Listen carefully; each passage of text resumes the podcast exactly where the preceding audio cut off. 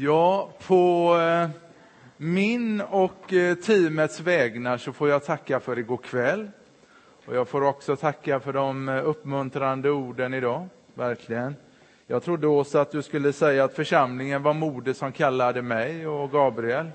Men ja, det kanske det är också, men tack.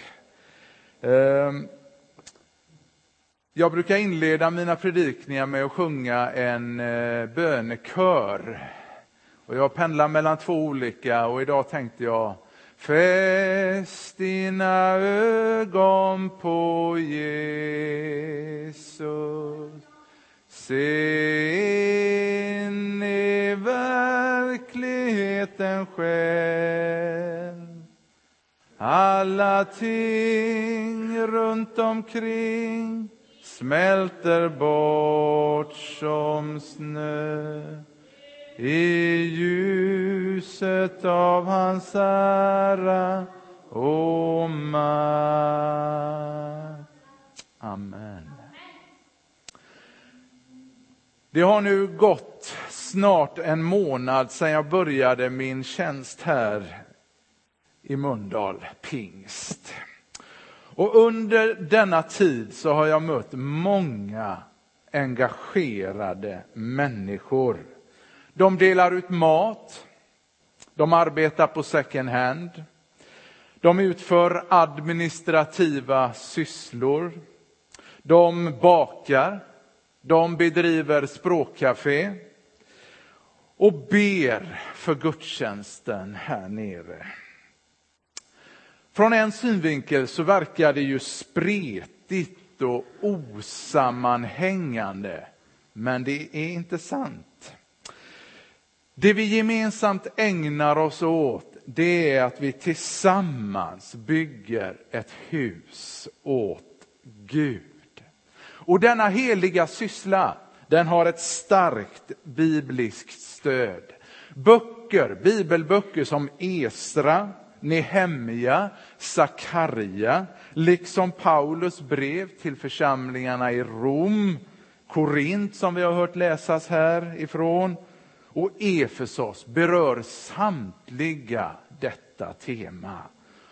Men det finns också en annan bibelbok på samma tema, nämligen Haggai bok Haggai, profeten, en ovanligt framgångsrik profet. Vi hörde om profeten Jeremia, han som kallas för tårarnas profet. Men idag ska vi prata om Haggai, en framgångsrik profet. Året vi befinner oss i, det är 520 f.Kr. och nästan på dagen. Judarna hade återvänt och hade återvänt från fångenskapen 16 år, 10, 16 år tidigare och uppmanats att bygga upp templet. Men bygget låg fortfarande nere. Så tillsammans med profeten Sakarja får profeten Haggai i uppdrag att mana folket att slutföra bygget. Det är bakgrunden. Och så i denna bok, Haggai bok, möter vi en Gud som är enormt intresserad av praktiskt arbete. Arbete som att lägga grund, markarbete, stenläggning, murbruk, snickeri och konsthantverk. Jag tänker att det kan vara bra att påminna sig om detta, särskilt du som funderar på att någon gång i ditt liv arbeta i församling. Samla på dig med rikt med arbetslivserfarenhet innan du går in i församlingstjänst.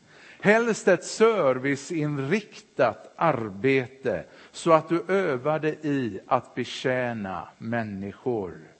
Själv arbetade jag som kock, fiskförsäljare och behandlingsassistent. Och då kunde jag tycka att min väg in i pastortjänst var onödigt krokig och bökig.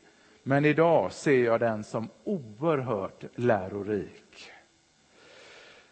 Vad kan vi då säga mer om Haggai bok? Jo, hela Haggai bok handlar om en enda sak, som jag nämnde förut. Att bygga ett hus åt Gud.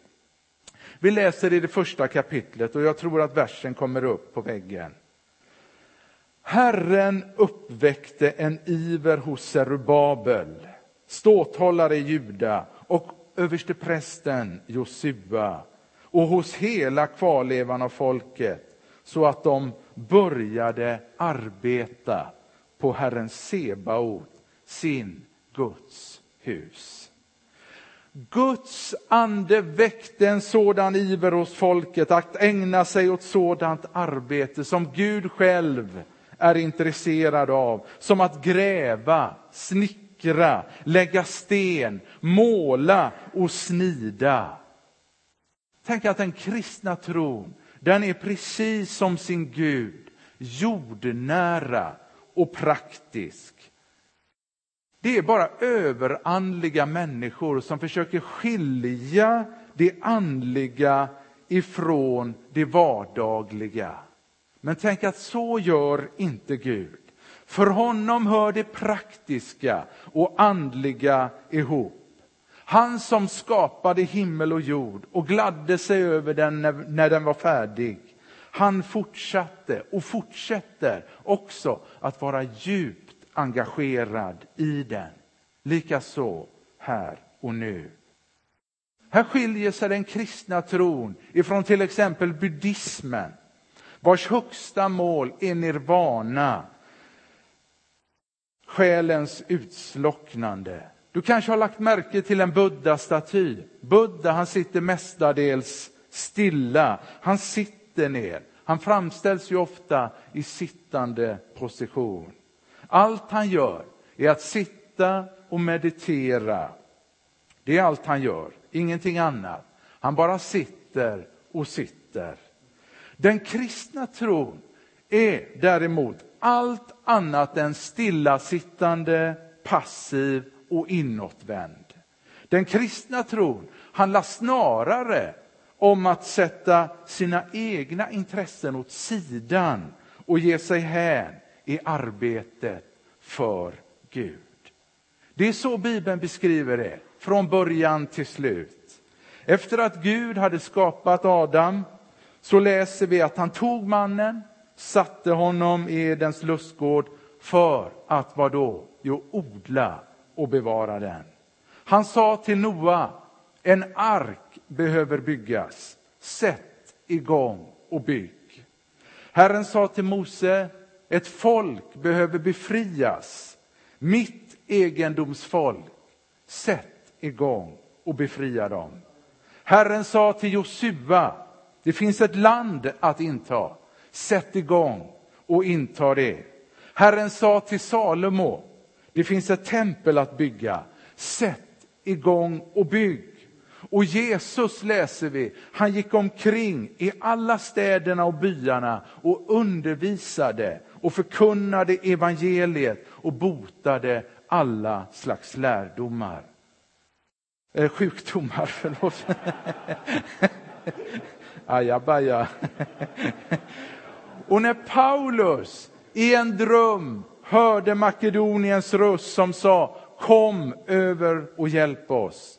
Så läser vi, så sökte vi oss genast att ta oss dit eftersom vi förstod att Gud hade kallat oss att förkunna evangeliet för dem. Sådan är den kristna tron. Det finns ett arbete att utföra och Gud han har en särskild arbetsuppgift för var och en utav oss. Vi gör det tillsammans. När jag läser om den skara som återvände ifrån fångenskapen så kan jag inte annat än att beundra dem. Det går knappt att föreställa sig det kaos som mötte den folkskara som vände tillbaka. Allt folket, män, kvinnor och barn, var tillsammans 42 000 drygt. Och de återvände till ett land i ruiner. Förstörda byar, lekplatser, skövlade skogar och vinrankor som låg uppryckta med rötterna. Men mest förnedrande av allt, det var nog ändå att se Salomos tempel ligga likt en stor stenhög. Bara arbetet att röja rent på platsen där grunden skulle vara tog allesammans ett halvår. Trots denna gigantiska utmaning så läser vi att Gud uppväckte en iver så att de alla började arbeta på Guds hus. Det är nog inte bara vi som är i teamet som har förstått att det här med att bygga församling inbegriper mycket arbete. Jag har sett nere på second hand hur man tar sig an den uppgiften på allra största allvar. Man samlas innan och ber och sen så har man fullt upp att göra. Jag vet att jag har dem i ryggen. Och jag vet hur Sture och Lars-Evert kämpar här på torsdagarna med matutdelning. Jag var med och hjälpte dem och bar lådor här i torsdags och vi hade att göra, det kan jag säga. Uppdraget, mina vänner, att bygga församling, det är gigantiskt. Men Gud, han har ju lovat, som vi hörde läsas här, att ge oss den kraft vi behöver, den utrustning som vi behöver. Herren talade genom profeten Haggai och sade, bygg upp mitt hus, så ska jag glädja mig över den och visa min härlighet. Och judarnas äldste byggde vidare och gjorde framsteg i arbetet genom profeten Haggais bok, genom profeten Haggai och Sakarjas profetiska ord. Och profeten Haggai han fortsatte. Den kommande härligheten hos detta hus ska bli större än den förra, säger Herren Sebaot. Och på denna plats ska jag ge frid. Föreställ dig hur underbar denna profetia måste ha uppfattats utav folket.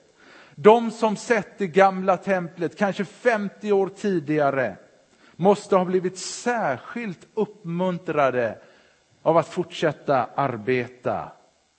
Och detta positiva, optimistiska, framåtblickande, det är så typiskt för den kristna tron.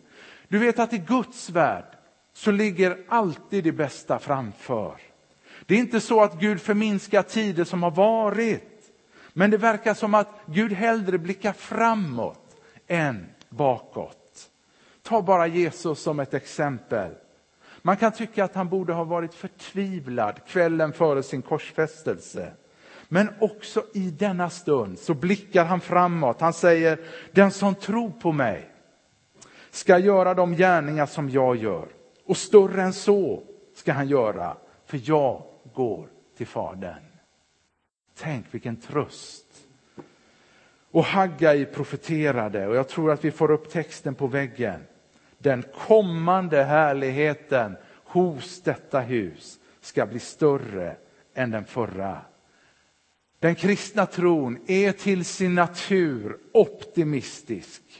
En kärlekslös Gud skulle ju mycket väl ha kunnat skrota skapelsen efter syndafallet. Men icke. Till glädje för oss så verkställde han istället sin frälsningsplan med löfte om syndernas förlåtelse och ett evigt liv.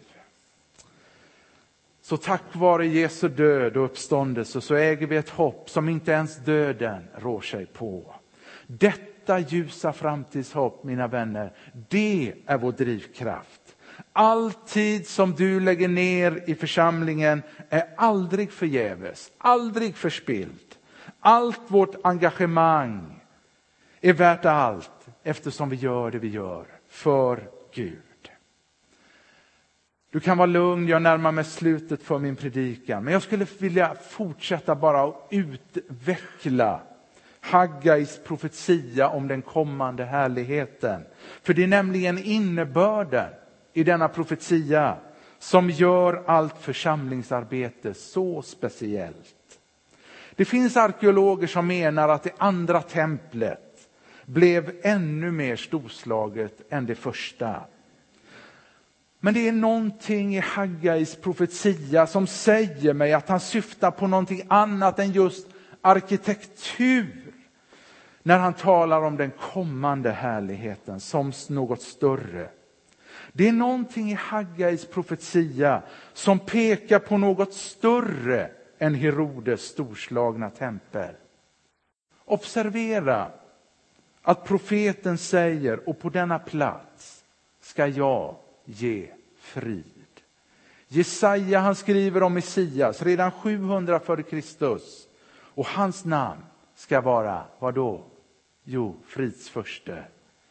Skälet till att det andra templet skulle bli större än det första var för att Guds egen son, Jesus Kristus, skulle beträda dess plats som människa.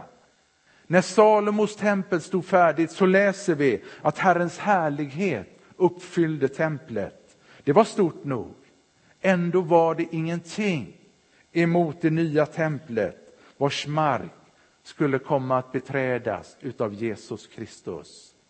Minns att det var i detta tempel som Jesus bars fram som barn.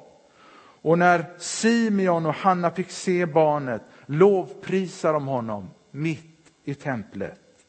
Det var i detta tempel som Jesus vandrade omkring och predikade evangeliet. Det var där som anden föll över de församlade på pingstdagen.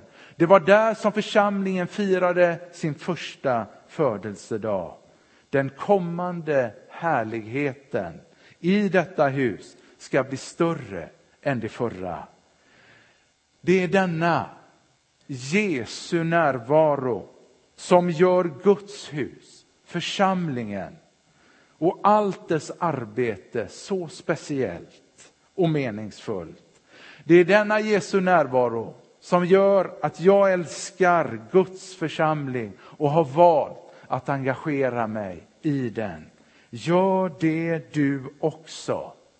Och så vill jag avsluta med några ord från Paulus om uppmaningen till den lilla församlingen i Korint som också är till dig.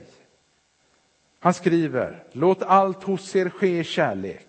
Jag ber er, bröder, och vi drar in systrarna också. Ni känner Stefanas familj och vet att de är Akajas förstlingsfrukt och att de har ställt sig själva till de heligas tjänst. Rätta er därför efter sådana och alla dem som tar del i arbetet. Jag är glad över Stefanas, Fortunatus och Akaikus som har kommit. De har fyllt tomrummet efter er och upplivat min ande, liksom er. Sätt värde på sådana. Min vän, församlingsmedlem, om du är medlem här i Mölndal Pingst eller var du är medlem någonstans. Ställ dig själv till de heligas tjänst. Ju fler vi blir som hjälps åt i församlingen, desto vackrare och roligare blir församlingsarbetet. Bli en glad och trogen givare. Med hjälp av dina ekonomiska medel så kan vi som församling, här och var du nu kommer ifrån, bedriva ett långsiktigt arbete. För det är därför jag är här, för att tänka långsiktigt. Och jag vet att mina teammedlemmar också vill göra det. Så öppna plånboken och ge så att vi kan bygga ett långsiktigt arbete. Ditt engagemang, ditt bidrag, fysiskt liksom andligt, är värt allt eftersom vi gör det vi gör för Gud. Amen. Låt oss be. Himmelske Fader, tack för denna ögonsten, din församling här på jorden. Herre, vi är inte perfekta, men vi gör det vi gör därför att vi älskar dig, Herre. Tack Jesus för att du är mitt ibland oss. Och vi ber om att vi ska lägga rätt grund som församling. Att vi ska bygga på Jesu Kristi grund. Herre, tack för att du känner vårt närområde och vet hur mycket de behöver oss, Herre. Jesus, vi ber, sätt de verktyg i våra händer som vi behöver för att nå in i deras hem, Herre. För att fler ska ansluta sig till din församling, Herre, och älska dig som vi älskar dig, Herre. Tjäna dig som vi tjänar dig med våra gåvor. Vi tackar dig, Gud. Välsignelse åt fortsättningen av gudstjänsten, men också, Herre, för församlingens nutid och framtid. I Jesu namn. Amen.